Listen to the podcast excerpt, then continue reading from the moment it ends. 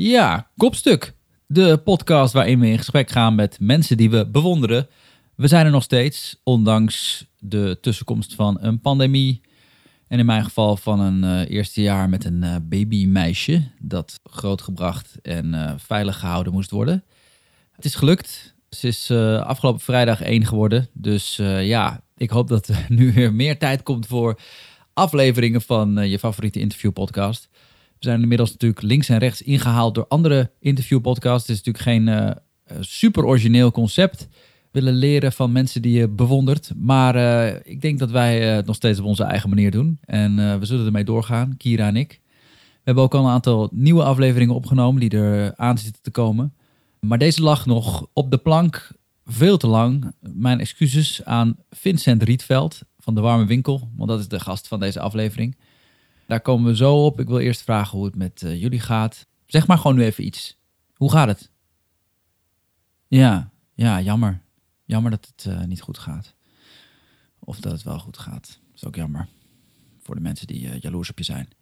Nou, even snel dan over Vincent Rietveld. Voordat de baby weer wakker wordt. Of mijn oudste zoon, de peuter, een woedeaanval krijgt. Vincent Rietveld is een van de oprichters van theatergroep De Warme Winkel. Samen met onder andere Mara van Vlijmen en Wart Weemhof. En zo vanaf een beetje 2005 begonnen ze met het maken van theatervoorstellingen. Die een beetje lastig te beschrijven zijn. Het zijn gewoon eh, vaak conceptvoorstellingen waarin ze helemaal in een onderwerp duiken. En dat ook laten zien op het podium. Eigenlijk hoe dat onderzoek dan is gegaan. En het voelt dat als een soort van uh, gesprek waar je aan deelneemt. Dus uh, het is soms ook deels geïmproviseerd. Zo maakten ze voor het eerst naam met de Oostenrijk-trilogie, waarin ze drie belangrijke Oostenrijkse intellectuelen uh, behandelden in hun voorstellingen. Zo breidde zich dat eigenlijk uit. Ik weet nog goed dat ik zelf voor het eerst een voorstelling van de Warme Winkel bezocht. Dat was in de Vondelbunker in het Vondelpark in Amsterdam. Uh, de naam zegt al, was een bunker, een beetje een bedompte plek, die ze dan heel minimaal hadden aangekleed. En daar zaten dan twee beetje morsige, ja, versleten, zou ik bijna zeggen, mannetjes, Wart en Vincent. En die speelden een voorstelling genaamd Luitenant Duetten. Waarin ze eigenlijk het opnamen voor de kunst, wat op dat moment heel hard nodig was. Het was 2011. Er zat een soort hele rare, trage humor in, waar ik heel erg van hou. En uh, nou ja, die twee mannen zijn gewoon super goede acteurs. En eigenlijk is het vanaf dat moment zo ontstaan dat ik dus veel te weinig theater bezoek, tot mijn grote schande. Maar daarom ga ik dan maar altijd naar de warme winkel, want dat is gewoon altijd goed en altijd verrassend het hoogtepunt was misschien wel de achterkant. Een voorstelling waarbij je op een soort geheime manier kaartjes kon kopen. Niet wist waar de locatie was. En op het laatste moment dat dan doorkreeg. En dat bleek dan de zijkant van de stad Schouwburg te zijn. Waar je door een soort geheime gang naar binnen mocht. En dan speelde de warme winkel. Voorstelling aan de achterkant van het toneel van de stad Schouwburg. Waar op dat moment toneelgroep Amsterdam hun eigen voorstelling speelde voor een volle zaal. En dat zagen we ook door zo'n uh, enkelzijdig uh, doorkijkglas, weet je wel. Wat ze ook uh, bij verhoren in Amerikaanse films gebruiken. Zo'n spiegel aan de ene kant en dat je aan de andere kant kan meekijken. Dus wij zagen gewoon Gijs Scholten van Aschat op zijn rug. Terwijl ondertussen Vincent en Wart hun eigen voorstelling improviseerden. Beetje zo zachtjes natuurlijk, want we mochten niet storen. En nou ja, wat daar allemaal gebeurde was zo geweldig en grappig en, en raar. En helemaal aan het eind mochten we in zwarte gewaden ook nog zachtjes dat podium opgaan van Toneel Amsterdam. Om dan dat eindapplaus mee te maken. Zo stilletjes achterop dat grote podium. Sowieso hebben ze natuurlijk een grote fanschare en zijn de kritieken louter lovend. Maar het blijft toch altijd een beetje underground. En vorige zomer zijn ze daar weer van afgestapt door heel commercieel te gaan. Bijna als een soort parodie op zichzelf. Met de drie musketiers in het Bostheater. Waar ze uh, dan weer publiek in grote getalen trokken. Vincent is inmiddels soort van solo gegaan met een eigen project. De Afscheidstrilogie heet het, als ik me niet vergis. Het gaat over klimaatverandering. En de eerste heette Vincent Rietveld gaat voor de Louis d'Or. Waarin je schaamteloos een gooi doet naar de Louis d'Or. De grote acteursprijs van Nederland. Uh, die hij uh, ja, niet won. Uh, maar ik ben nog een beetje boos op Vincent en op de warme winkel. Omdat we naar een voorstelling gingen, mijn vriendin en ik. Uh, weer zo'n mysterieuze locatie niet bekend voorstelling. En daar hadden we echt enorm veel zin in. Omdat we toen nog alleen met een peuter zaten. En mijn vriendin hoogzwanger was. En we hadden echt behoefte aan een uitje. Dus met moeite hebben we een oppas geregeld. En we gingen naar Moskou op sterk water. En ja, wat er toen gebeurde was het saaiste wat ik ooit heb meegemaakt. En uh, nou ja, het duurde uiteindelijk 4,5 uur. 4,5 uur van onze kostbare, vrije, jonge ouderstijd hebben we verspild aan die kutvoorstelling Moskou op sterk water. Ja, het was echt vreselijk. Maar dat was ook wel weer cool eigenlijk, dacht ik later. Dat het zo vreselijk was. En dat ik zoveel haatgevoelens en verveling heb gevoeld uh, op dat moment. Want dat gebeurt gewoon niet zo vaak meer. Misschien nu wel weer, nu we in een lockdown zitten, nu we in een pandemie leven en uh, vaker uh, gedwongen worden om thuis eigenlijk een beetje saai niks te doen. Of uh, deze broden te bakken of weet ik veel. In ieder geval kunnen we niet naar de kroeg, waar Vincent ook graag kwam. Maar ik heb kunnen genieten van het monteren van dit gesprek, wat ik van de zomer al had met Vincent Rietveld. Het was genoeg om met hem te spreken. Ik vond het een inspirerend en grappig en nou ja, verhelderend gesprek. En ik hoop dat jullie er ook van genieten. Hier komt hij dan, mijn gesprek met Vincent Rietveld.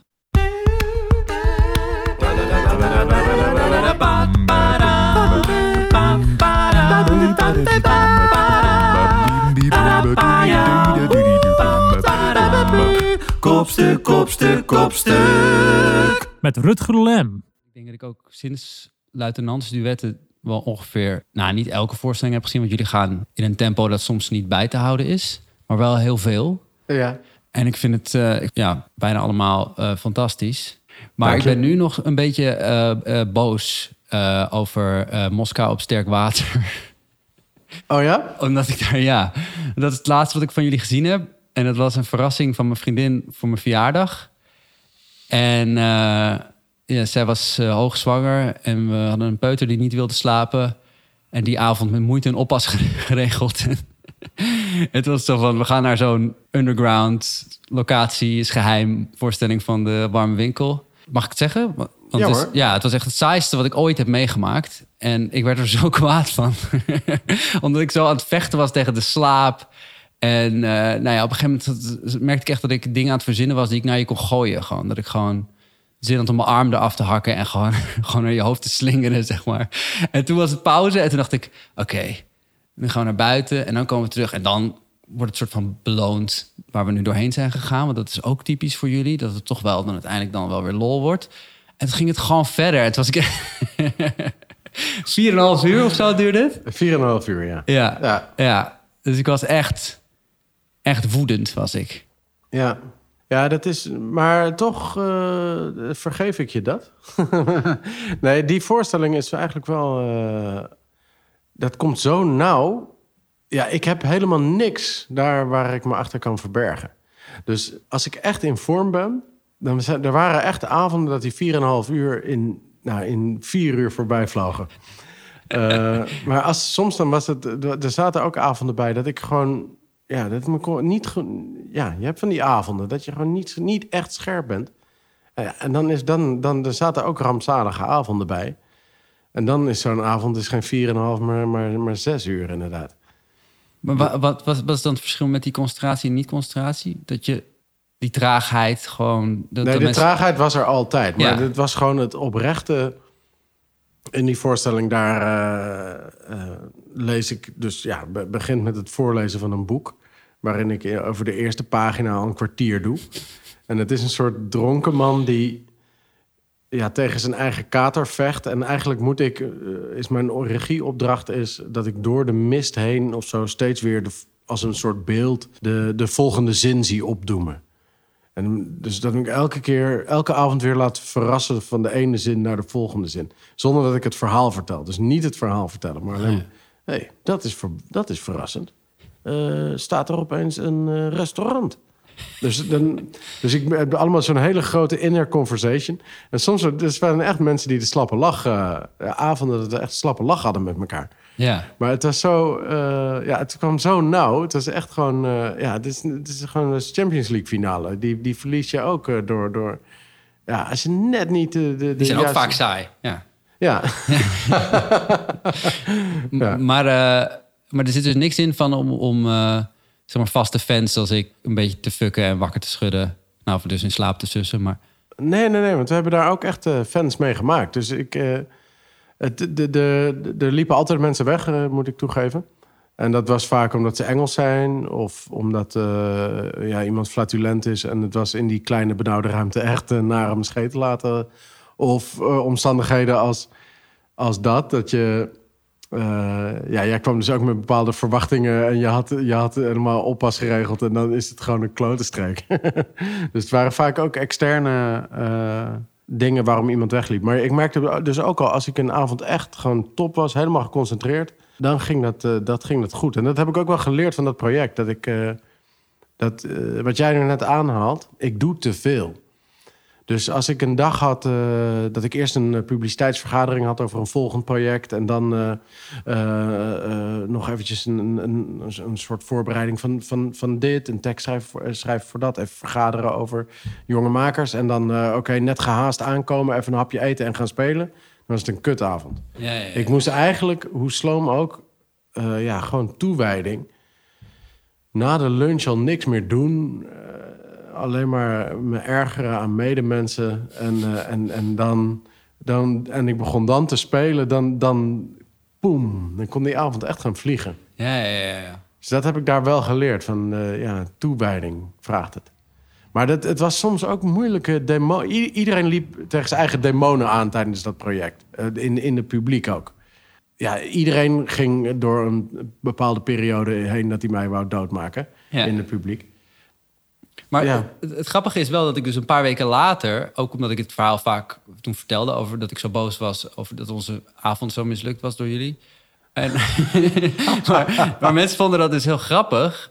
En langzamerhand begon ik gewoon steeds meer te waarderen. Dus de emoties die het bij me had opgeroepen, ook al waren die dan negatief.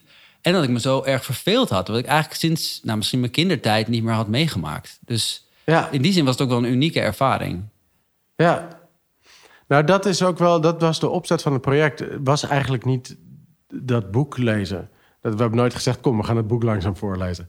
Maar wij wouden, uh, wat ik met Wart vaak heb, is een, uh, is een soort ja, opstandigheid tegen, tegen, tegen de mainstream en tegen ja, de, de, de, de, de, de dikke massa die wel denkt dat te weten hoe het, hoe het zit. En gewoon opstandigheid naar hoe het gaat. En, en, en, en wat als bon ton geldt. En, dus wij hebben een paar van die duetten gemaakt, zoals luitenanten-duet. En zo was dit ook, ook vertrokken. Ja. Zo van, we willen ons eigenlijk uh, te weerstellen tegen de, de verentertainisering... of ja, een dom woord, maar gewoon tegen, tegen dat, dat alles leuk en kort en... en uh, snel. Snel moet. Dus we hadden heel veel verschillende acts, heel veel verschillende ideeën. En uiteindelijk was dit toch het beste. Gewoon een dronken lab en juist ook deze ervaring bieden, wat jij nu net beschrijft, was wel de bedoeling ook. Dus dat, dat je. Maar van verveling kan je soms ook genieten. En, uh, dat was eigenlijk de bedoeling. Misschien was ik daar gewoon niet klaar voor. Dat kan natuurlijk ook. Ja, nee, maar dat iedereen gewoon... dat je je telefoon uit had en gewoon... Ja, er zijn heel veel mensen die ook even indommelden en weer terugkwamen. En uh, beetje de ervaring die een bejaarde heeft bij een klassiek concert... die had je daar ook. Ja. Nou, maar dat krijg je verder niet. Je wordt de hele tijd toegeschreeuwd van... Uh, uh, uit je eigen broekzak natuurlijk, maar ook van, uh, vanaf het straatbeeld steeds meer. En uh, juist daar bouwden we tegen in.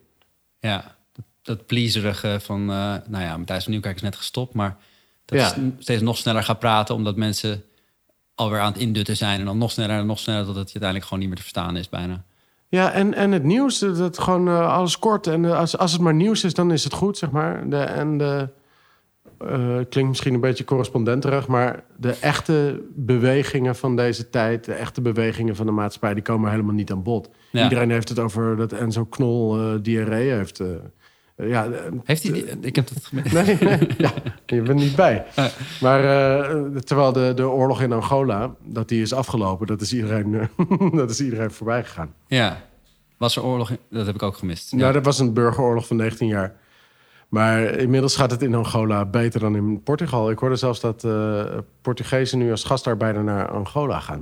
In plaats van andersom. Oké, ja. dat is interessant. Ja. Maar de drie musketiers ging daar uiteindelijk ook over. Over aandacht en nou ja, afleiding en al dit soort dingen. Dat ja. ja, dat is ja het is grappig dat ik hoorde, op de correspondent hoorde ik... Uh, uh, hoe heet die oprichter ook alweer? Rob Wijnberg. Ja, die, die refereerde aan het boekje wat het, ten grondslag lag aan de drie musketiers.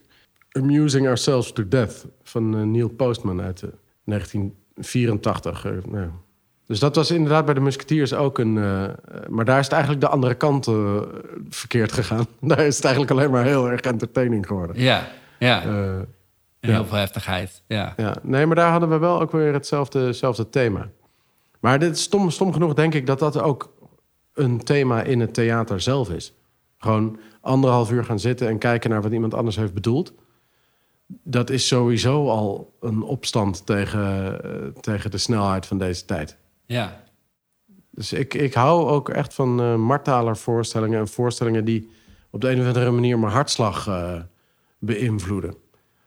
Soms doordat het uh, opwindend is, maar vaak ook doordat het intiemer is of kwetsbaarder of trager dan, dan de, de buitenwereld. Ja, want daar komen ideeën ook vaak vandaan. Uit traagheid en, en stilte. En niet als je zeg maar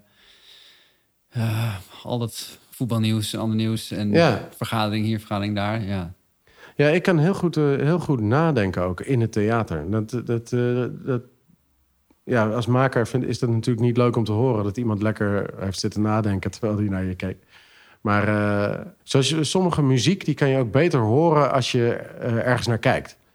Ja, als je, weet ik veel, een mooi, een mooi landschap filmt... en je zet daar een symfonie van Dvorak onder...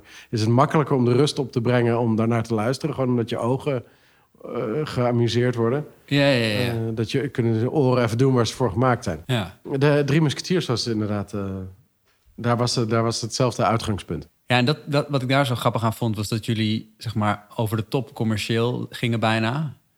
Ik weet nog dat ik op de pont stond, hier niet zo ver vandaan... en dat ja. ik jullie enorme poster op de, de Amsterdam-toren, toch? Ja. Zag hangen in die Disney-letters, de Drie Musketeers.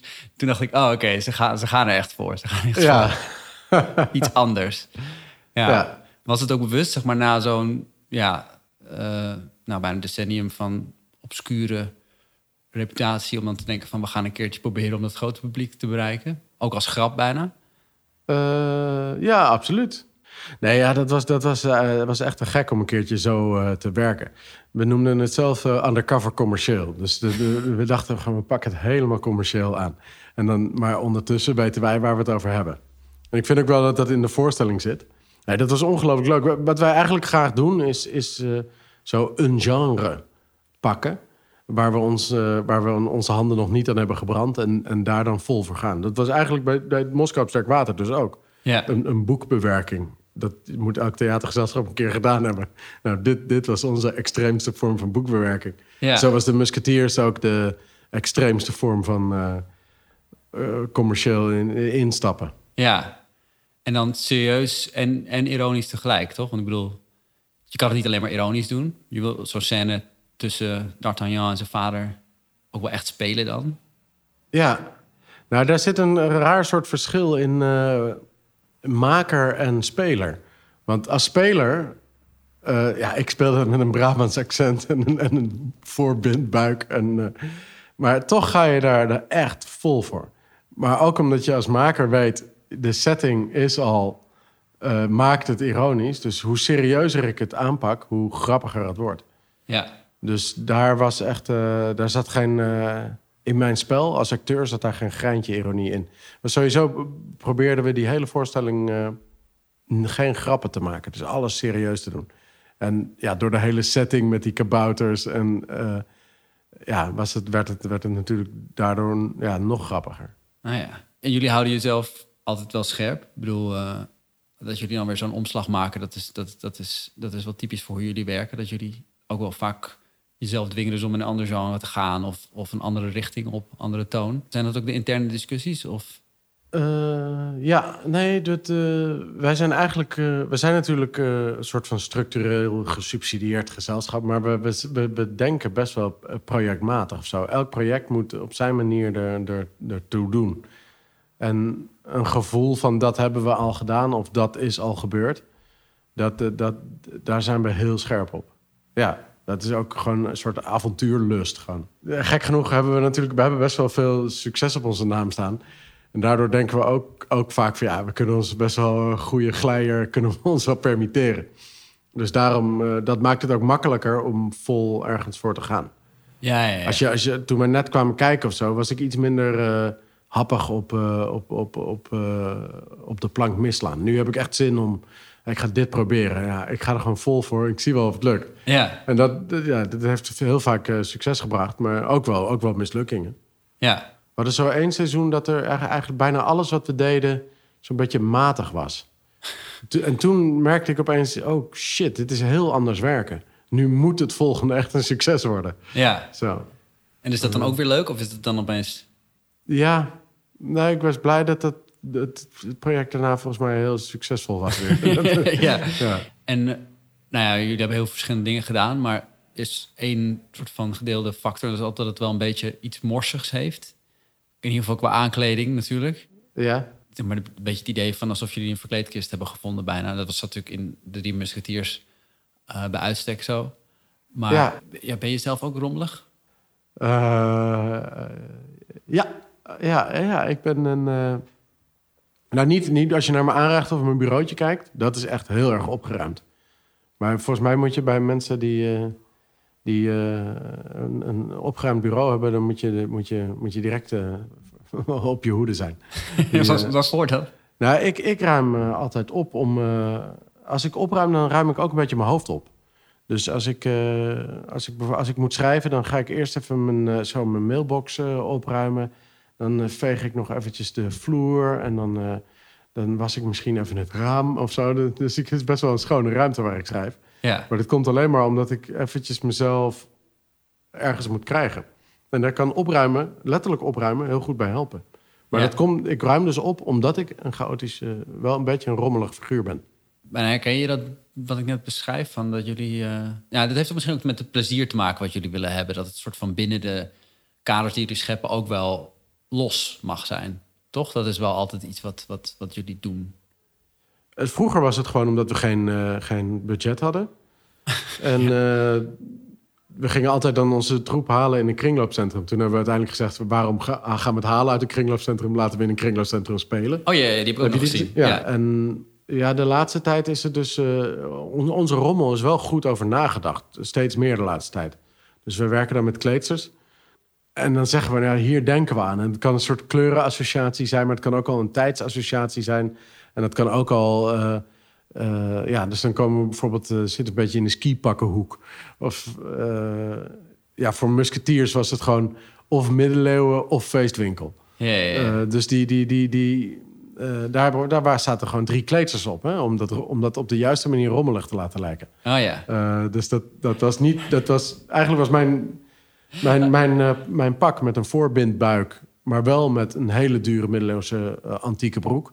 Oh ja. Dat, Was, een, uh, dat was een goed voorbeeld van, van, van ja, die rommeligheid, die, wordt steeds, die organiseren we steeds meer. Ja, ik was helemaal vergeten, maar dat zit natuurlijk ook in musketiers dat jullie dat letterlijk, D'Artagnan, als hij een musketier wordt, krijgt hij zo'n feestwinkelpakje, ja. toch? ja, ja, ja, ja, ja, precies. mooi. Nee, dus we worden wel, we worden wel iets bewuster. Ja. Iets bewuster, ja. Grotere budgetten. ja, dat ook. ja. En stond er bij jou thuis vroeger een verkleedkist? Nee, niet, dat ik me kan herinneren, nee. Nee, nee ik uh, bedoel, bedoel je als vraag... Uh, hoe kom je in, in het vak? nee, ik, ik eh, kom van een... Ik ben opgegroeid op een... ja, waanzinnig op een landgoed met, midden in de bossen. En, ik was altijd buiten. Ik had een eigen geit. Ik, ik was, ja. Je had een eigen geit? Ik had een eigen geit. Hoe heette die? Ratatosk. naar het, het, de eekhoorn die in de Yggdrasil de boodschapper is tussen de goden en de mensen. De Yggdrasil is de boom in de Edda, waarin de goden in de kruin wonen en de mensen aan de voet. En ze communiceren via een eekhoorntje. En dat heette, die heette Ratatosk. Wow. En zo noemde ik mijn eigen geit ook, omdat hij... Misschien omdat we hem altijd kippenvoer gaven, maar die... die nou, het is ook wat geiten doen, die sprong gewoon altijd overal op. Dus ik had ook trucjes met hem. Dan ging ik uh, zo krom zitten uh, en dan sprong hij op mijn rug. En dan op een gegeven moment konden we zelfs dat wij dus konden, konden opstaan. Zo een beetje gebocheld opstaan. En dan stond die geit nog op onze rug. Atatosk. Uh, ja. Ja, mooi. Ja. Dus, dus dat, dat, klinkt als een sprookje waar, je, waar je in opgroeide. Ja. ja. nou, nu ik zelf kinderen heb die in Amsterdam opgroeien... zie ik ook wel steeds meer dat dat echt wel, wel een te benijden uh, jeugd is geweest, ja. Ja. Als je, als je daar zelf zit, dan heb je dat niet door natuurlijk. Nee, wat was het dan voor landgoed? Uh, het was een, uh, biologisch, een, studiecentrum voor biologisch dynamische landbouw. Kruiwekkerhof in Driebergen. Oké. En daar werd eigenlijk in de praktijk gebracht wat daar ook werd, aan les werd gegeven. Dus er was en een kruidentuin en een koeien, paarden, geiten, kippen, alles was er. En landbouw en tuinbouw en ja, alles, alles werd ook in de praktijk gebracht. En dat, die ouders werkten daar? ja, mijn ouders hadden dat opgezet, ja. Ah, en mijn vader, ja, ze werkten daar ook. Dus het, Maar is het dan heel hippie-achtig? Of, of? nou, het is wel, wel Nee, het was eigenlijk best wel gewoon... Ja, dat hele boeren is gewoon heel praktisch. Dus dan... Uh, uh, mijn ouders hebben bijvoorbeeld nooit uh, gebloot. Nee. denk, gewoon een hele generatie van 68. Maar dat, dat was er niet van gekomen. Nee, dat verbouwden ze niet. Nee, nee dat verbouwden ze niet. Nee, dus het was eigenlijk best wel, best wel concreet. Gewoon in, in, dat, in, dat, in dat boeren. Ah. En, ja, dat is een antroposofische inslag. En daar zit genoeg vage toestanden bij. Maar dat is in die landbouw is dat eigenlijk best concreet. En sowieso, ja, als je daar rondloopt met je geit, dan, uh, dan uh, ja, valt je dat allemaal niet op. En was je enigste kind dan? Of? Nee, met mijn broer. Oh ja, ja. oké. Okay. Had hij ook een geit? Of? Nee, we, hadden, we deden de geit hadden we samen. Oké. Ja. ja. ja. En, maar goed, dus je was wel gewend om je fantasie te gebruiken als, als je zo'n naam voor een geit verzint. Hoe kwam je überhaupt aan dat hele verhaal? Ik heb hier nooit van, wat voor goden zijn dit überhaupt? De Edda, ken je ja, niet? nee, nee. Nee, oh, dat is gewoon de, dat is zeg maar de, de, de Bijbel van de Noorse uh, oh, ja. mythologie. En daar las je over? Of? Odin, Bodan. Ja, die ken ik wel. Ik krijg, ja, ja. Nee, ja dat is, dat, die wonen dus boven in die boom. Ja. ja. Dit was gewoon een detail wat we toen op school kregen of zo. Ik weet het niet. Uh, dat, zoiets. Ja, maar was je, maar was je een fantasie, fantasierijke jongen? Of? Ja. nou, het, het, enige wat ik me qua toneel herinner was dat ik, uh, ik, ik kan, en dan kan ik nog steeds supersnel tekst leren. Dat boek uit Moskou Sterk Water ken ik ook uit mijn hoofd. Ik kan, nu, kan nu nog een keertje doen. nee, maar dus, dus dat is uh, ja, een soort uh, combinatie van ezelsbruggetjes... waardoor ik snel teksten leer. Wij deden op school, was altijd één, één toneelstuk werd er gedaan. En dan dreigde de, de, de meester... Die dreigde altijd, als je morgen je tekst niet kent... dan speelt Vincent je rol. Want dan, ik ken het gewoon alles. Ja. ja. En ik vond ook, en dat vind ik nog steeds het, het gebeuren eromheen... dus uh, decor klaarmaken, hoe het publiek binnenkomt en zo... dat vond ik toen ook al leuk, weet ik. Gewoon het, het organiseren van zo'n fictieve toestand... Dat, dat ja, was ik toen ook wel doorgepakt. Ja, dat is geweldig. Ja. ja. En wat, wat voor ezelsbruggetjes zijn dat dan? Nou, het, het is een raar soort combinatie van... Uh, ik, ik, ik weet niet hoe andere acteurs dat doen eigenlijk... maar ik Vaak is het op het ritme. Of, dan, uh, of bijvoorbeeld de ene zin begint met een B en de volgende met een D. En dan heb ik BD. Uh, dat heb ik dan in mijn hoofd. Dus dan kan ik gewoon die ene zin beginnen... en dan weet ik de volgende beginnen met een D. Daarom, of weet ik wel. Zoiets. Of, of op klank, soms op inhoud. Dus ik probeer het niet op één manier. En, uh, maar heel veel verschillende associaties. Ja, de een volgt op het ander. Beetje zoals met zo'n geheugenpaleis, dat je dan zo... Ja, en dus de ene gaat van een B op een D, dan komt er dat ritme en dan komt die inhoud. Of dan, dus ik, zo. En als ik leer, dan leer ik gewoon heel mechanisch. Dus dan leer ik één zinnetje, zeg ik drie keer, dan leer ik het volgende zinnetje. Dan leer ik drie keer. Dan doe ik ze allebei drie keer. Dan pak ik het derde zinnetje, doe ik drie keer. Ja, ja, ja. Dan doe ik die, die eerste drie. Nou, dan heb ik, op een gegeven moment heb ik een alinea geleerd. Dan begin ik aan de volgende alinea. Oké, dan ben ik die eerste alinea alweer een beetje vergeten.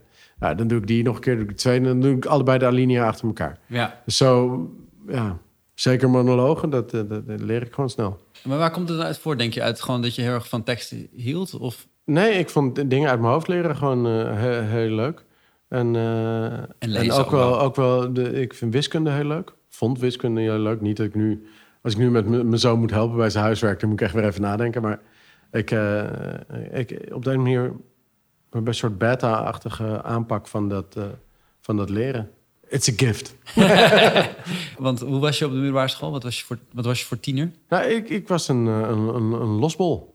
Ja, een absolute uh, losbol. Ik had wel gewoon, uh, ja, gewoon act, actief en vrolijk. En ja, ik hoor, je, hoort, je hoort af en toe van mensen die het echt moeilijk hadden in die periode. dat is mij volledig ontgaan. Maar het was me ook wel ontgaan dat andere mensen dat op dat moment hadden. En het kwam ook ik zat op een school waar uh, alle niveaus door elkaar heen zaten. En uh, niet dat ik nou zo'n enorm groot licht ben, maar ik hoefde nooit wat te leren. Uh, ik, ik zat echt uit mijn. Ja, ik had heel veel tijd over. Ja, ja, ja. En dus ja, gewoon een beetje zeist in de bossen en daarna in, in de kroegen. En, ja. Maar en want mensen hebben het moeilijk dan. Dus daar, daar had je dan geen last van. Maar je verandert natuurlijk ook tijdens de puberteit. zijn ook wel vormende jaren. Hoe, ontdekte jij jezelf toen? Zeg maar dat je dus van bier drinken hield. Ik, ik weet niet. Ik was gewoon wel altijd dingen aan het ondernemen. Ik was best wel ondernemend ook. Uh, dus uh, ook, ook, ook s'avonds en s'nachts. Ja, ik kan me herinneren dat wij, wij hadden dus een, een groepje... Dat, toen we nog niet uit mochten gaan, dan spraken we af. Uh, in Driebergen kroop iedereen uit zijn, uit zijn, uit zijn, uit raam. Dan spraken we af om twee uur s'nachts. En dan hadden we ergens in een berg in Driebergen... Gingen we dan een, een, hadden we een hut gegraven. We hadden de film Dead Poet Society gezien en dat moesten wij ook. Ja. En dan, uh, dan gingen we daar gingen we zitten blowen en, en, uh, en, en dingen aan elkaar voorlezen. En dat was echt heel, heel groot. Het was een, uiteindelijk een gezelschap van twaalf man of zo. En dan hadden we dus ook een onderaardse, ondergrondse ja, een soort kazerne gegraven... die we helemaal gestut hadden met, met balken die we gejat hadden. En dan, gingen we, ja, dan waren we daarmee bezig. Had het ook een naam? Nee, dat, dat, had, dat had geen naam, nee. Nee, nee ik had, we hadden wel op een gegeven moment ook met die beetje dezelfde club hadden we dan uh, een leesclub-achtig iets opgericht. Dat heette, uh, dat noemden we Hoger Bal. Omdat we het gevoel hadden dat we overal heen konden. Dus uh, ja, toch even uit zeilterm. Als je aan lagerbal zit, kan je nergens meer naartoe. Okay, ja, ja, Als je ja. aan hogerbal zit, dan kan je overal naartoe. Ja. Dus uh, dat gevoel hadden wij als 19-jarige uh, uh, blanke slimmerikjes uit Driebergen. Heel vies. Ja. Uh, dus dat hadden we Hogerbal genoemd. En dan gingen we eens in twee maanden, huurden we ergens een huis... en dan hadden we een soort boekenlijst die iedereen gelezen had... en een thema en nodigden we wat sprekers uit. Uh, dat, hebben we, dat hebben we ook nog wel gedaan. Dat, dat was, kwam een beetje de, uit, uit, de, uit, die, uh, uit die hut voort. Ja.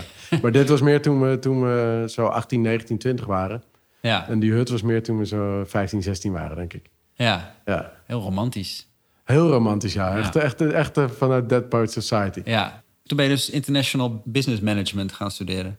Ja, ja dat, dat kwam eigenlijk... Ik, ik vond gewoon economie een heel leuk vak. En ik was... Uh, na mijn middelbare school ben ik eerst uh, uh, acht maanden door Zuid-Amerika gaan reizen. En dan zeg je tegen je ouders dat je gaat nadenken over wat je wil, wil studeren. maar ja, dan kom je terug en dan heb je daar geen seconde over nagedacht. Dat is veel te opwindend allemaal. En uh, ja, toen had ik... Ik had één vriend die ging uh, toneelacademie studeren in Maastricht... en de andere die ging uh, business administration studeren in Groningen. Toen dacht ik, nou, dan ga ik dat studeren in Maastricht. Zo, het was niet, niet echt over nagedacht. Of, er lag niet een soort plan voor mijn leven aan ten grondslag. Het was meer dat ik economie gewoon echt een leuk vak vond. Ja. En nog steeds lees ik...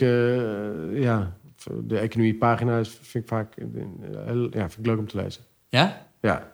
Wat is, wat is het dan daaraan? Gewoon dat het over alles gaat. Ja, nou, ik vind het ook wel... Um, um, vaak is de hiërarchie in onderwerpen, in kranten of dingen... is gewoon helemaal weg. Uh, voor zover de hiërarchie is, is dat eerder de waan van de dag. Dat waait toch op een gegeven moment ook weer over. Terwijl de grotere bewegingen van, van een... Uh, in een krant lees je vaak de grotere bewegingen... lees je op de economiepagina. Die indruk heb ik. Zeg maar, oké, okay, dat, dat de Volvo zijn, uh, zijn uh, productie naar China verplaatst... is een veel grotere beweging uh, dan, dat, dan dat hier de stad Schouwburg gaat fuseren. Ja. of dat vertelt me veel meer over de ontwikkeling van de wereld. De, de economie trekt zich eigenlijk niet in, de, de, trekt zich van nature niet zoveel aan van de waan van de dag. Ik denk, vind ik ook in de kunst wordt vaak niet heel ver vooruit gekeken. Wordt vaak naar het nu gekeken. En wat moet kunst ook doen, denk ik, reflecteren op het nu. Maar, een, uh, zeg maar als, je een, uh, als je een bedrijf runt, dan kijk je juist wel naar over 15 jaar. Of over, je kijkt natuurlijk ook waar nu problemen en kansen liggen. Maar je hebt, automatisch wordt daar veel strategischer gekeken. Dus en, en, ik, ik denk dat dat het... Maar, ja. maar hoe lang heb jij het dan uiteindelijk gedaan? Jaartje. Ja, precies. ja. ja. En toen dus naar de toneelschool. Ja. Hoe, hoe, was je auditie? Ik, ik, wist dus al dat ik, economie, dat ik met het economie wou stoppen. Ik was ook al cultuurwetenschapsstudies ernaast gaan doen... omdat uh, het me niet genoeg was.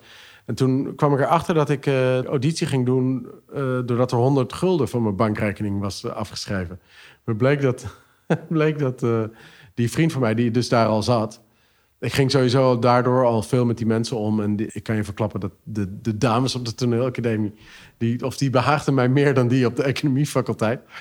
Uh, en uh, dat is een van de belangrijke redenen geweest. Maar in ieder geval bij, bij, heeft hij me dus in een dronken bui verleid... om het auditieformulier in te vullen. Oh Dus ja. ik kwam er echt, ik was dat alweer vergeten. En de, oh fuck, inderdaad, ja. Eh, Ja, toen dan moet je een monoloog voorbereiden. Toen had hij me zo'n monologenboek gegeven, 1001 monologen. Toen had ik eentje gekozen van Sartre, want dat leek me interessant. En toen zei hij, Finn, please, dit is een monoloog van een vrouw. Ik- dus dat had ik niet goed gelezen. En toen gaf hij me dus de wereldverbeteraar van Thomas Bernhard. Oh ja. En toen zijn we dat gaan eh, op de stadsmuur van Maastricht eh, gaan leren. En dat, dat ging echt heel goed. De rest van de auditie heb ik volgens mij echt verprutst. Maar op basis van die monoloog ben ik toen aangenomen. Dat zit ook in eh, Vincent Riet van Dat zit ook, Louis door, ja, dus dat vond ik ja. ontzettend leuk om die weer eh, Ja. uit, uit de kast te trekken. Ja, ik heb ook nog auditie gedaan voor, voor Amsterdam. Uh, meteen na de middelbare school. Oh ja? Ja. Ja, Maar in ieder geval, ik, heb, ik ben toen afgewezen. Maar ik, ik heb altijd onthouden wat die, wat die leraar zei... die dan onze groep begeleidde. En, dan, en hij zei tegen mij van... je hebt heel veel energie, maar het gaat alle kanten op. En als je het dan te pakken hebt... dan slaat het naar binnen toe... en dan geef je het niet aan ons, het publiek. Ik, weet het echt woord voor woord nog... want ik ben er ook de laatste tijd weer heel veel over na gaan denken. Ik, ik vond het toen echt de grootst mogelijke onzin die ik ooit had gehoord. Ik vond het echt ja. symbool staan voor alle vaagheid en zweverigheid die ik heel irritant vond eraan. Maar nu denk ik steeds meer van, oh, hij heeft gewoon, hij heeft gewoon gelijk. En ik kan er nog steeds van leren eigenlijk. Ja. grappig. Ik had eigenlijk precies hetzelfde met eh, een van die jongens die in eh, Vincent Rietveld gaat voor Louis doorspeelde. Die had ook een, eh, een eh, auditie niet gekregen en daar een uitleg bij gekregen. Nou, dat snapte hij helemaal niet. Maar ik dacht pre- precies deze uitleg. Ja. Dat ben jij gewoon. Of op de een manier is, is dat ook een leeftijd dat het dat, eh, dat je heel moeilijk is om naar jezelf te kijken. ja. Maar snap je die kritiek van dat je dus, als je het dan te pakken hebt, dat het dan naar binnen slaat? Nou, ik herken het wel dat ik in het begin. eh, het heeft ook wel even geduurd dat ik dacht: van dit is gewoon wat ik, wat ik ben. Eh, een theatermaker die in zijn eigen stukken speelt. Ja. Maar ik heb ook wel een tijdje gedacht dat ik eh, echt acteur moest worden. Misschien dacht ik zelfs: mo- moet ik niet proberen in een soap terecht te komen en dan beroemd te worden? En dat ik dan meer mogelijkheden heb om. eh, maar ik heb ook nog een stukken gespeeld en dat, dat ik ook zo. Dat je niet, niet precies wist wat acteren was en dat je het dan zo ging voelen of zo. En dat je waarschijnlijk, waarschijnlijk zaten mensen dan gewoon naar niks te kijken, terwijl ik van binnen van alles meemaakte. Ja. Dus dat ik eigenlijk moet denken, wat een kutacteur. wat, een, wat een kutacteur zou ik zijn geweest. Als ik gewoon bij een gezelschap kwam, bij een regisseur... waar- waar ik stukken had moeten spelen. Ja. Ja, dat je je moet verbinden met die tekst en dat het dan naar buiten moet. Dat... Ik heb ook wel soms dat je gewoon, gewoon dat iets wat je technisch doet of zo, dat het toch naar binnen slaat. En dat je toch echt een groot verdriet hebt. Ja. Of ik heb ook wel eens dat ik eh, dat, dat je, ja, ik gebruik gewoon, als je op het podium staat, gebruik je gewoon alles wat er is gebeurd. Dus als er iets echt mis is gegaan of er is iemand overleden eh, die je dierbaar is of zo, en je staat s'avonds op het podium en je moet huilen, dan, dan, ja, dan, gaat, dan wordt dat één ding. Dan, dan kan dat één ding worden. Dan sta je gewoon soms te huilen op een podium en, en de rest van de mensen denkt gewoon, ja, wat, hallo, ja, ja. Eh, contact. Ja, ja, precies. Dus dan, ja, snap je? Het gaat er niet om dat, eh, dat jouw gevoelens echt zijn. Of eh, ja. een beetje vies. ja. Ja. ja. Nou ja, en, maar jij moest ook een beetje zoeken op. Want zeg maar, tot nu toe, als we zo een beetje door je biografie gaan, dan wek je bijna de indruk alsof je gewoon nooit zorgen hebt en nooit twijfelt en gewoon overal een beetje inrolt. Is er wel een moment geweest daar dan dat je ook echt het moeilijk had? Of Ehm, hoeft niet hoor, maar nee, ik, ja, maar ik, de- iedereen heeft een ander geheugen. Hè? Ik, heb- ik spreek mensen die, die, die dus dezelfde dingen hebben meegemaakt als ik. En die daar echt denken, dat was zo'n moeilijk proces. En, en ik, ik, mijn geheugen is gewoon, ik weet niet wat het is. Ik, ik sla het niet goed op. Of, nou, dit, ja. Nee, ik heb er gewoon geen gevoel... Nee, dat scheur kan je niet onthouden of zo. Zo kan ik me een bepaalde... eh, ben ik gewoon niet in staat om, me- om me echt eh, ongemakkelijkheid of onvrede... Nee, dat soort negatieve dingen kan ik me moeilijk... Ik onthoud mijn successen, die, die onthoud ik heel goed. ja. Ik weet nog de, de triomfen en de feestjes. Die kan ik me echt goed herinneren. En dan weet ik rationeel nog wel van... ja, dat was echt een heel moeilijk proces. Maar toch herinner ik me dat gevoel... Ik kom mijn gevoel daar niet bij of zo. Terwijl het, het, het succes die dat uiteindelijk heeft opgeleverd... daar komt mijn gevoel heel makkelijk bij. ja, ja, ja, ja. Dus, dus het, zoals, volgens mij zit het meer in, in mijn, eh, de manier waarop mijn emotionaliteit aan mijn geheugen zit gelinkt. Dat daar een soort eh, misfit zit op, op negatieve dingen. Dan dat, ik, eh, dan dat ik geen probleem heb meegemaakt. Nee. Maar ja, klinkt eigenlijk heel psychologisch heel gezond, toch? Ja, Eh, ja, nee, dat, dat, dat, ik reken me. Dit, absoluut, daar ben ik heel blij mee dat het bij mij zo werkt. ja. Nee, want als ik nu kijk of zo, nou, vaak, ik zit altijd, ben altijd aan, aan, in, gevecht met, eh, met, met de omstandigheden en dat wat we aan het maken zijn en de mensen waarmee ook. wel ja, ja, ja. Maar in het moment, ja. En dat is altijd in het moment, maar daar gaat toch, ja, ook een, een deken overheen van het succes dat dat heeft opgeleverd dan. Ja. Ja, wat grappig. Ik ben, ik ben, heel, ik ben bijna andersom. Ik, ik heb ook wel ruzie met mijn vriendin soms, omdat ik zo soms het negatieve kan benadrukken van, weet ik veel, hoe het met onze kinderen gaat of zo. Niet per se zeg maar dat ik soort van heel zwartgallig ben op alles, maar ik zoek daar ook de humor in, zeg maar, een beetje een soort ja, cynische humor. Dat Ja. vind ik heel leuk. Maar dan, voor je het weet, ben je gewoon echt alleen maar aan het zeiken. En dat, dat is, dan, dan, ja, dan, dan lul, Oh ja? je- lul je jezelf gewoon depressie in. Dat, dat kan echt gebeuren, ja. Zeker Ah, ook ja. met zelfkritiek natuurlijk. Dat is heel gevaarlijk uiteindelijk. Maar heb jij dan dat, de, bijvoorbeeld met je vriendin dat zij zich dingen herinnert eh, als zijnde heel leuk en dat jij zegt nee, dat was helemaal niet leuk? Ja, zeker, ja. ja. Ja. Bij bepaalde vakanties of zo, dat ik echt zat van, ah, het is zo verschrikkelijk. Waar heb je het over? Viel wel mee. ja, dus ik heb daar wel aan moeten werken, zeg maar. Ja. Nee, maar het, het heeft bij mij lang geduurd voordat ik me besefte dat mijn geheugen niet het geheugen was. Ja. Dat, Ja. dat de Ja. mensen, dat mijn geheugen ook, ook subjectief is. En dat, eh, eh, en, eh, ja, en dat het, maar ik heb dit wel gesignaleerd als iets wat kennelijk, kennelijk bij mij gebeurt. Ja. Maar wat heb je geleerd op de toneelschool? Je hebt wel iets geleerd, toch? Neem ik aan.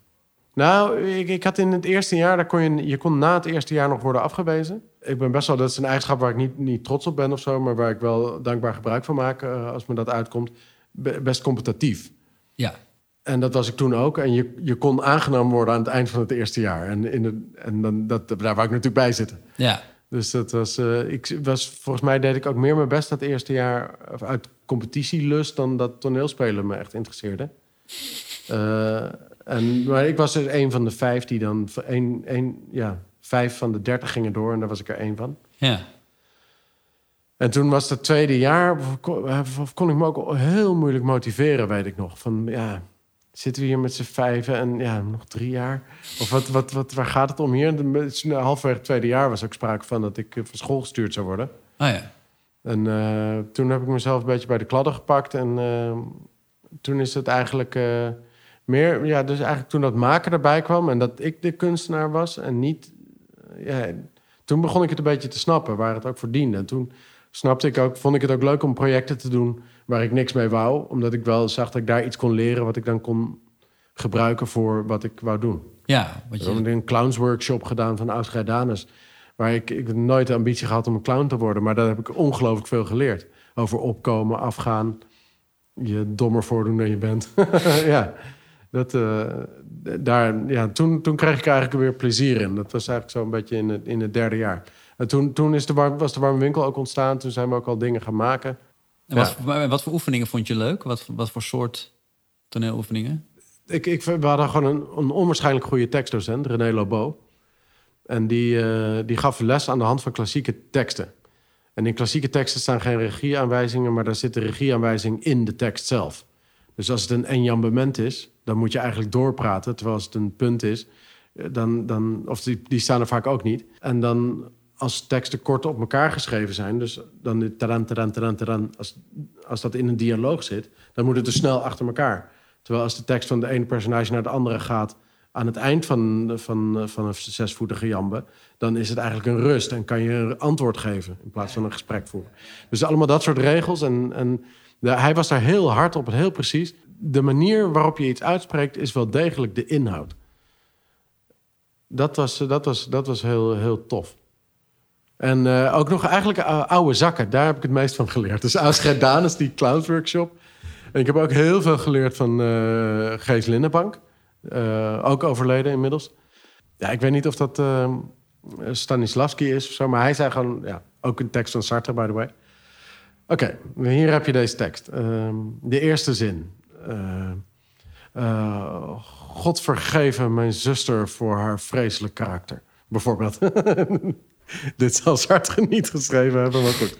En dan, eh, ja, oké, zegt die zin is, oké. En dan ging je helemaal op die zin en alleen maar over die zin nadenken. Dus Uh, God vergeven. Oké, jij gelooft, geloof je wel of niet in God? Uh, nee, ik geloof niet, niet in God. God vergeven, wat, wat is dan... het is een beetje wee mij. Of, ja, hoe zou jij dat zelf zeggen? En gewoon... eigenlijk schaam je voor wat je hebt gedaan en je, je vraagt vergiffenis. Het is een beetje biecht. In welke situatie zou jij dat nu tegen iemand zeggen? Of, en hoe zou je dat dan zeggen? Of zo?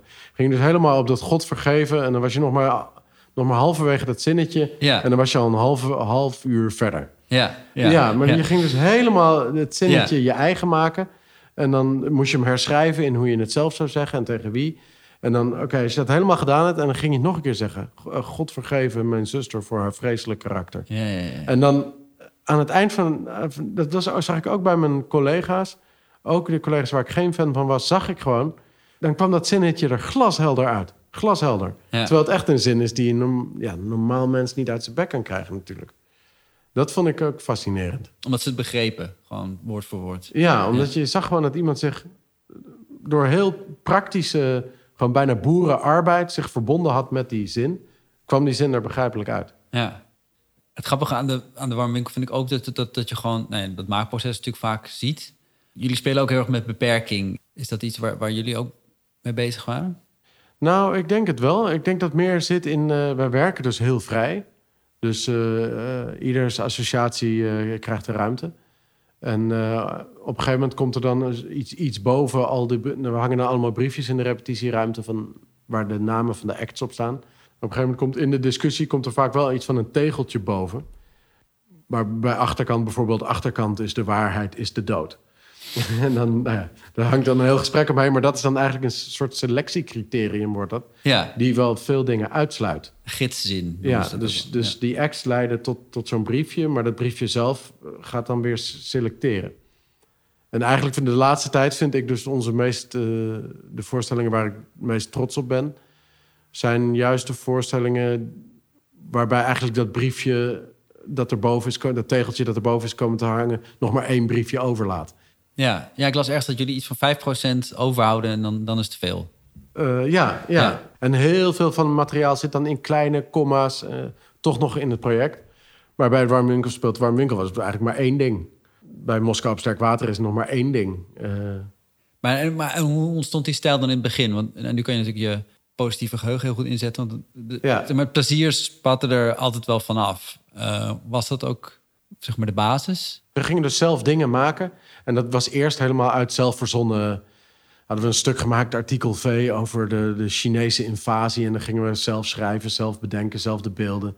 En dat, dat, op de een manier was dat allemaal niet uh, briljant genoeg om te zeggen van ja, we gaan door met dit gezelschap. En toen is het eigenlijk begonnen met, in 2006 met Total Thomas, waarin we ons weer tot Thomas Bernhard verhielden. Dat we eigenlijk dus iets groots en sterkers uh, het project in fietsten. Namelijk een super toneelschrijver. En dat we zeiden, oké, wij verhouden ons tot hem en dat is het toneelstuk. Hoe wij ons verhouden tot hem. Dus daarbij werden we een soort vertalers van dingen die wij bewonderden. Ja. En dat, dat is wel de, de, een belangrijk ding geweest. Dus dat je, dat als ik nu lesgeef op toneelacademies of, of, of met mensen praat, zeg ik altijd: doe dat. Ga je bezighouden met de dingen die je bewondert. Ja. Ga het nadoen, ga het plagiëren, veeg je reet ermee af, maar ga, hou je ermee bezig. Daar word je, daar word je ja, dat, dat, dus dan gebruik je eigenlijk het enthousiasme om, om je eigen leerschool. Uh, eigenlijk wat jij ook doet met die podcast. Precies, precies. Kijk. Ja. Nee, dat, dat, is, dat is toch. En, en ja, dan, dan zie je wel waar het komt. Dus wij zijn ja, uit liefde voor Rielke iets over Rielke gaan maken. En uit, uit enthousiasme en, en, en, en uh, iets over Alma Maler. Ja, ja, ja, ja. Maar en dat zorgt dan voor die, zeg maar, talloze associaties, ideeën, omdat je gewoon enthousiast bent. Ja, ja. ja. Soms dan is er niet eens, dan, zeker bij die montagevoorstellingen, die, die, die stukken waren, dan was er niet eens een gesprek over wat, wat wel of niet. Er werd nooit gezegd van nee, dat, dat moeten we niet doen. Zo, er was gewoon echt alleen maar nee, maar dat is, dat is. Dus het enthousiasme was leidend. Ja. En dan proberen we elkaar daarin mee te nemen. Dus daar, daar, daar komt het, het spelplezier, uh, wat ik uh, ook wel herken. ja. Dat komt daar vandaan. Dat je gewoon dingen staat te doen die je leuk vindt. Ja, ja, en voor een publiek dus natuurlijk gewoon überhaupt niks fijners dan luisteren naar iemand die super bevlogen ergens over is. Nou, dat vond ik bij, bij, bij Mayakovsky, dat is dan eigenlijk het laatste oeuvre stuk dat we gemaakt hebben, ook verschrikkelijk moeilijk. Dat is echt zo'n all-time jeugdheld van mij. En hij was heel jong, heel krachtig en zo. Maar ik was gewoon 40 toen ik dat aan het maken was. En ik zat in mijn midlife crisis en alles wat erbij hoort. Ja. En, en, en hij heeft het alleen maar over jong en dat iedereen zijn eigen dingen moet uitvinden. En dan ga ik iets doen over 100 jaar geleden. En ik, en ik raakte steeds meer mijn enthousiasme kwijt tijdens dat. Tijdens, dat, dat, is echt verschrikkelijk. Ja, ja, ja. Dan ben je ook een stuk. En je moet. maar Er is een première datum. En ik weet niet. Ik kwam er niet uit. Omdat gewoon de liefde de, een soort weg was. Ja, precies. Ehm, ik heb tot nu toe alles uit mijn hoofd geleerd. Maar ik moet nu wel even gaan kijken. Oh ja, ja, dat wilde ik nog vragen. Van, op de toneelschool, je hebt natuurlijk wel een vrij eh, uitgesproken accent. Ja, Beetje, nou, was beetje echt, was echt erger. Echt was nog erger? Oh, Ja, ja, ja. veel erger. Ja, Ik, ik praatte echt zo. Ik eh, kwam, eh, eh, ja, gewoon dit, dit was een beetje mijn. eh daar heb ik op de toneelacademie heb ik leren. dus dit is al de light versie. Ja. Absoluut. Ja, Ja. ja, Dus de, maar daar is het eruit gestampt. Dat wilde ik inderdaad vragen. Of een beetje... ja. ja. Eh, maar het is nog steeds. eh, ja, ik, ik, als ik mezelf terug hoor, ik weet ook niet of ik deze podcast terug ga eh, luisteren hoor. Je mezelf horen vind ik verschrikkelijk. Ja, om Ik- deze reden. Nou, ik klink anders dan, dan, dan ik denk dat ik klink. Ja. Toch? Je, Ja. Heb jij dat niet? Tuurlijk, ja. Ja. Nou, ik denk dat ik gewoon heel fatsoenlijk klink. Maar misschien heb ik hele goede binnenoren. Misschien hetzelfde. Misschien is dat gelinkt aan dat geheugen. Ja, Dat ik, ik, ik, ik vind gewoon mijn glashelder klinken. En die aardappel in mijn keel, die hoor ik eh, pas als, eh, als, eh, als het wordt afgespeeld. ja. Was je als acteur ook bewust van die beperking? Zeg maar? Want je bent gewoon wel, je bent wel een bepaald type, zeg maar. Je bent niet een... dus je wordt soms ook wel getypecast in, in comedies en zo. Ben je daar bewust van? Confronterend. Nee, dat, als ik kijk naar wat ik gedaan heb... dan word ik inderdaad altijd voor dat soort... ook die Rabobank commercials... dat zijn eigenlijk altijd een soort... eh, de, de, de, de, de brave, niet leukere eh, versie. dat ben, daar word ik voor, vaak voor gevraagd, ja. Ja. oh, dat is confronterend dit. Maar ik heb het idee dat je in de warme winkel daar ook wel een beetje mee speelt. Dat met gewoon... Want je bent soms... Je speelt een versie van jezelf daarin, vaak. Ja, ik vind het eigenlijk leuk dat ik, eh, dat ik beperkt ben. Want ik denk over mezelf na als het prototype... de mensen die tegenwoordig moeilijk hebben... de hoogopgeleide blanke witte man. Ik zie mezelf helemaal als mensen het hebben over... over eh, over MeToo of white privilege of allemaal dat soort dingen, dan, dan denk ik aan mezelf. Ja. Dan denk ik, de, ik ben een soort van centrumfiguur. Nee, ja, eh, Ja. In, in alles. Dus ik, ik denk niet, eh, daar, daar, het is dat gebochelde eh, gast met die aardappel in zijn keel of zo. Ik denk niet aan, de, aan de, mij disqualificerende eigenschappen of, of zeg maar typerende eigenschappen. Ik denk meer, eh, ik vertegenwoordig dat. Maar je weet wel hoe, waar, op welke manier je grappig bent, bijvoorbeeld, toch? Ja, dat soort dingen, dat Ehm, zet je wel in. Ja. ja, ik vind, dat, dat is moeilijk om... eh, mijn, mijn moeder zei dat een keer. Ehm, die zei tegen mij... Ja, maar jij, ja, hoe jij die trap oploopt... Dat, dat, ik liep in het podium, op het podium de trap op. Dat is dan zo grappig. Maar jij weet helemaal niet dat dat grappig is. Eh, eh, maar dat maakt het weer zo grappig. Maar ik denk wel... dat- Ik ben me daar wel... eh, ik, ben, ik ben me daar wel van, van bewust. Wat vind jij grappig over het algemeen? Nou, ik, ik, ik, ik vind de, de, de beste humor vind ik dus dat een situatie grappig is. Dat iets door zijn context grappig wordt. Bijvoorbeeld John Cleese, die, die probeert ook niet eh, grappig te doen. Die, probeert, die staat aan een tafel, aan, aan een pol uit te leggen... eh, dat, dat, hoe de oorlog in elkaar zit. En dat probeert hij zo goed mogelijk uit te leggen. Ehm, en mensen die weten dat, dat, dat het grappig is... Wat, ik vind het altijd leuk als je... Ja, je neemt je dit voor en je weet dat het grappig is vanwege dat. Ja, ja, ja. Eh, maar de, de, de grap zelf staat nooit, nooit voorop. Nee. Ik, ik vind eh, een grap maken op een podium staat me altijd, altijd verschrikkelijk tegen. Dus dan eh ik probeer het bijna altijd zo te timen dat het dan weer ja, net niet of net ja. ja. Ma- makkelijke grappen vind ik altijd vind die, die waarvan je weet dat ze werken of dat je ziet dat een acteur weet dat het, dat, dat zijn grap werkt. Dat vind ik altijd enorm eh, af, afstotelijk. Ja, ja, ja, ja. En mijn ervaring is ook dat de beste grappen en de leukste lachen in, in het theater zijn om grappen die op het moment ontstaan. Dus bij eh, onze geïmproviseerde stukken, of San Francisco, Ja. de achterkant, Amadeus. Dat was de echt goede lach. Zat, zat op, op momenten die echt zijn. Nou, ik heb dus door de jaren heen wel een beetje het vertrouwen gewonnen dat ik mij er wel uitred. ja. Dus ik vind het ook wel eens leuk om bijvoorbeeld naar een presentatie te gaan en het niet voor te bereiden. Um, ja, of op te gaan en gewoon geen flauw idee hebben wat je gaat zeggen. Ja? Ja, dat, uh, daar, heb ik ze eigenlijk, dat, daar heb ik nu vertrouwen in. Dat, dat, dat ik mijn, zelfredza mijn zelfredzame vermogen daar, dat, ja, me red. Maar, dat ik me kan redden daar, ja ja, dat vind ik sowieso opvallend bij jullie. Je hebben een soort van als groep ook heel, heel erg zelfvertrouwen. Van hier zijn wij. Waar, ja. waar, waar, zit, waar komt dat vandaan? Nou, het komt ook door werken met, met, met figuren als Paul Koek en Marien Jongewaard... die, ja, die gewoon de, de, de, het, plezier en je overtuiging... Dat je, dat je contradictie met wat ik net zei... maar niet laten afhangen van, van, van anderen. Dus echt een, je, je, je een doel stellen van... vinden wij dit leuk? En uh, vinden wij dit goed? Moet het zo? Uh, ja, het moet zo. En als je dan succes hebt, ja, dan is dat natuurlijk fantastisch. Ja, de, de, je eigen waarde niet laten afhangen van, van, uh, van de toeschouwer. Ja. Natuurlijk ben ik blij met, met, met, met, succes. Natuurlijk ben ik blij met goede recensies, veel publiek. Maar toch, uh, deep down is, zit de grote trots in dat je iets gemaakt hebt wat, wat, wat, wat, je, wat, wat, ja, wat, wat je wou maken, wat oké is, waar je, ja, waar je gewoon blij mee bent. Ja, en hoe ga je met kritiek om dan? Nou, mijn, mijn, mijn eerste reactie op kritiek is eigenlijk altijd degene waar die kritiek vandaan komt heel dom vinden, heel stom vinden. En dan, uh, dan ga ik daar later, uh, dan gaat daar later over nadenken, zeg maar. Ja. Dus dat, uh, ik weet niet, ik, ik, ik stel gewoon mijn doelen en ik, ik, ik probeer fris en oprecht te blijven en niet in herhaling te vallen. En ja, kritiek vind ik minder en minder en minder belangrijk. Of daar, ja. ja.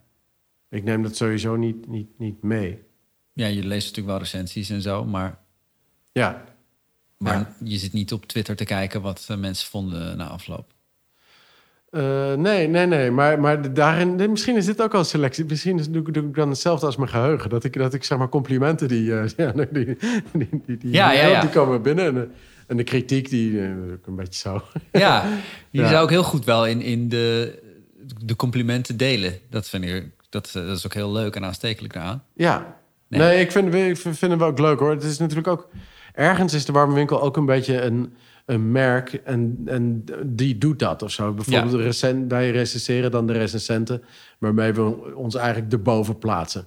Dus die, die, die zelfverzekerdheid is, is, is ook uh, een soort spel. Maar en, en in uh, Vincent Rietveld ging, gaat voor de... Ging. Ik ga er nog steeds voor. Ja, daarin onderzocht je ook wel je eigen ego. Of überhaupt het fenomeen ego. En uh, nou ja, individu versus uh, collectief. Ja. hoe ijdel ben je? Um, ik, ik, ben, ik, ik, ik, ik ben niet ijdel. Dat, ja, ik, ik, ik ben niet ijdel. Qua uiterlijk niet, qua succes niet. Ik, ik, ik vind uh, succes of complimenten, die veeg je onder de mat. Dat, uh, dat, dat is de enige waardige manier om daarmee om te gaan. Of dan zeg je, ah, dankjewel, dankjewel. Of, uh, nee, ja, dit is natuurlijk ook een collectieve prestatie. ja, ik weet niet. of je deelt het uit aan anderen. Je zegt, ja, dat is eigenlijk een kwarts idee. Ja. En, ik, ja. Ja, dit meen je? Dit is... Ja, dit, dit meen ik, ja. Ja. ja. Nee, ik, als, ijdel, als ijdel was om mezelf te promoten dan, uh, dan zou ik dat niet doen. Ik, in Vincent Rietveld zet ik mezelf natuurlijk ook eigenlijk voor schut. Ja. Zeg maar, ik wil het ego aanvallen. Uh, het, ja, het is het individu versus het collectief. Waarin ik het stuk zijn pijlen richt op, op, op het individu. Ja. Dus, en dan voer ik mezelf op als iemand waar we lekker onze pijlen op gaan richten. En dan heb ik ook nog die tekst zelf geschreven. Dus dat, dat, ik er is van alles ijdel aan het, aan het ding. Maar uh, of de ijdelheid zelf wordt aangevallen eigenlijk. Ja, ja, maar dat is een grap, toch? Ja, dus ik voer, ik voer me daar een beetje ijdel op, maar dat, ja, dat, is een, dat is een pose. Ja, ja, ja, dat is wel pose. Ja. ja, want ik heb ook hun tekst geschreven en die meen ik. Ja, precies. Ja. Ik heb het Wart even moeten uitleggen, die titel. ja. Ergens had het hem... Uh, in het begin ook dwars. Ik had het makkelijk uitgelegd hoor. Maar juist dat je uit zo'n collectief wilt breken, uh, dat, is, dat is natuurlijk ijdel. Zou ijdel geweest zijn. Of zo. Ja. Vincent Rietveld gaat voor de Louis door. Dat is natuurlijk, ja, ja. Uh, goor. Ja. Uh, dus hij dacht, maar dus ze moest even uitleggen dat het juist de bedoeling was om mezelf als schietschrijf neer te zetten. Ja, maar jullie werken ook steeds meer met jonge acteurs. Ben je dat steeds leuker gaan vinden? Ja, je wordt natuurlijk steeds ouder, dus je moet wel. Nou, ik maak me wel zorgen over mijn eigen positie bij de warme winkel. Want we hebben natuurlijk een. ergens, wat we doen, heeft een jonge energie. Ja. Uh, het is vaak. Uh, zoekt een beetje de grenzen op. Het, het, gaat vaak, is vaak langer of korter dan je eigenlijk wil. Het, ja. het, het, is hardscherp. Uh, ja, we, we, we, hebben nog nooit. Je hebt nog nooit lekker op je lauren gerust bij ons in de, in, in, in de zaal. en dat, die jonge energie, daar gaan we, gaan we hard op. Of, dan, ja. Marien Jongewaard heeft dat ook. En die is, die is er inmiddels 70 mee geworden.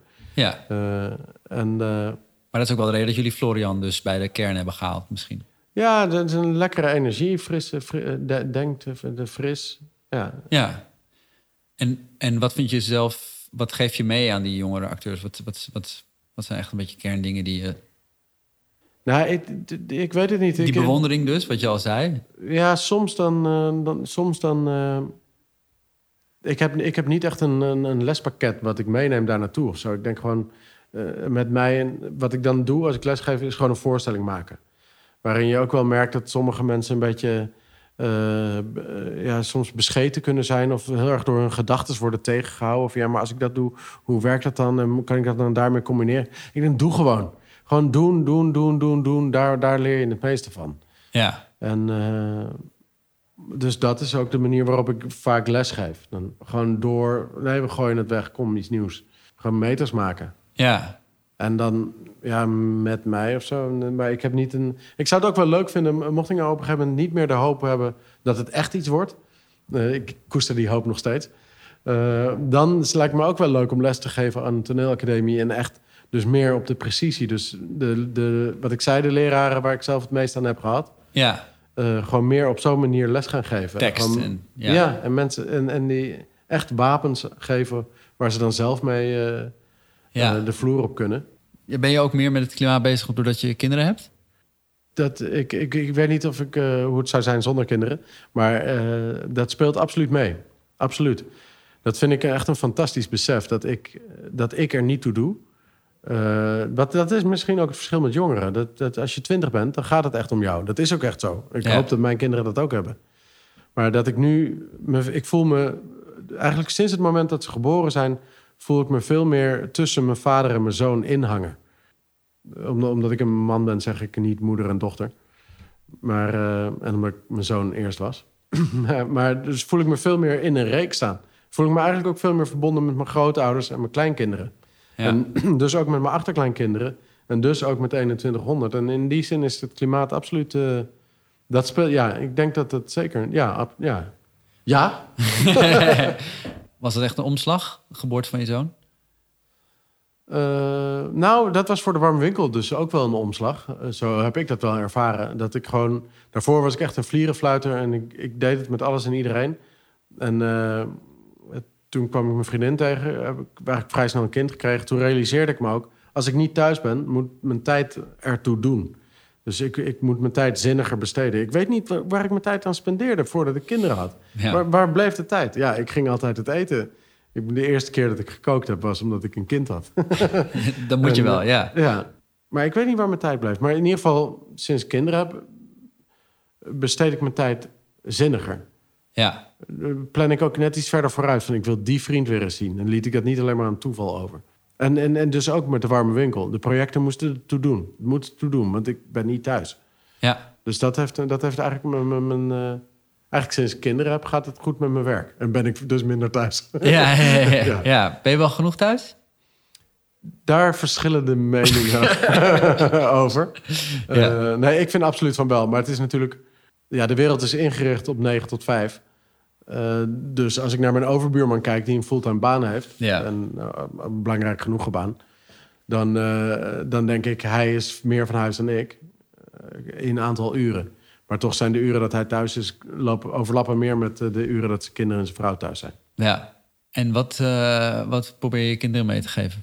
Nou, ik ben, ik ben tegenwoordig ik ben overgestapt op, op sinds de Drie Musketeers. Dus sinds Amusing Ourselves to Death van Neil Postman. Dat gaat over verschillende media. En hij beschrijft op een gegeven moment koning Salomon.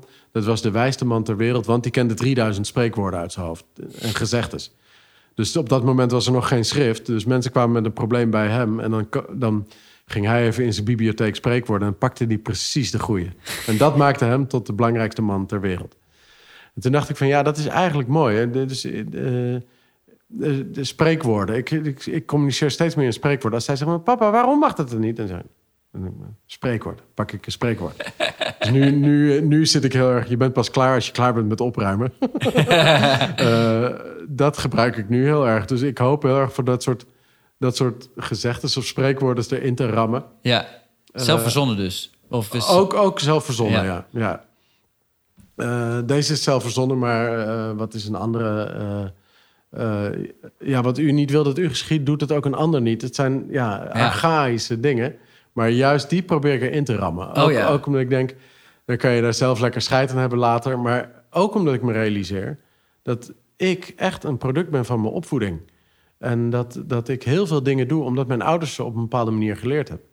En uh, wat u niet wil dat u geschiet, doet het ook een ander niet. Dat vind ik gewoon, dat vind ik een hele belangrijke. Ja. En zo vind ik heel veel spreekwoorden zijn, zijn uitgewoonde clichés. En heel belangrijk. Ja, ja, ja. Maar ik, en, en ja, uh, gewoon uh, adel verplicht. Dat probeer ik ze bij te brengen. Dat, het feit dat zij geboren worden in Amsterdam met, uh, met ouders die vinden dat ze van alles mogen denken. En met de capaciteiten die ze hebben, vind ik dat ze iets moeten doen. Ja, ook met het oog op het klimaat en de andere misstanden die er zijn. Ja, ja. ja, je, ja je moet het ergens voor inzetten wat je gekregen hebt. Ja.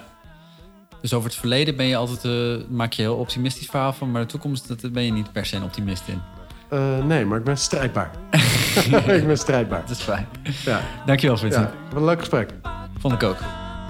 Deze aflevering van Kopstuk werd opgenomen door mijzelf, Rutger Lem, met hulp van niemand dit keer. Even geen feedback, gewoon doen. Dat is ook iets wat je leert van deze podcast. De mix en master werd dit keer gedaan door Nick van Noord. Heel erg bedankt voor je hulp, Nick. De eerste keer dat je meedoet, welkom bij het Kopstuk team. Jullie kunnen ons steunen door ons te sponsoren op vriendvandeshow.nl slash kopstuk. Kijk daar eventjes. Je kan dan gewoon donateur worden, eenmalig of stelselmatig, wat je wil. En als je ons op een andere manier wil helpen, denk dat je ons kunt helpen of wil bijdragen aan wat Kopstuk is, mail ons dan op kopstukpodcast.gmail.com. Volg mij op Rutgerlem op verschillende social media. En Kira kun je volgen op Kira Borgen met dubbel O-U. Vincent Rietveld gaat nog even door met zijn trilogie. Die gaat als de lockdown voorbij is weer spelen met afscheidstournee. Ga het vooral uh, zien. Oh ja, en hoe je ons natuurlijk het meest kunt helpen is door ons een goede rating te geven in iTunes. Een rating van 5 sterren. Of hoeveel je wil. Kopstuk, kopstuk, kopstuk.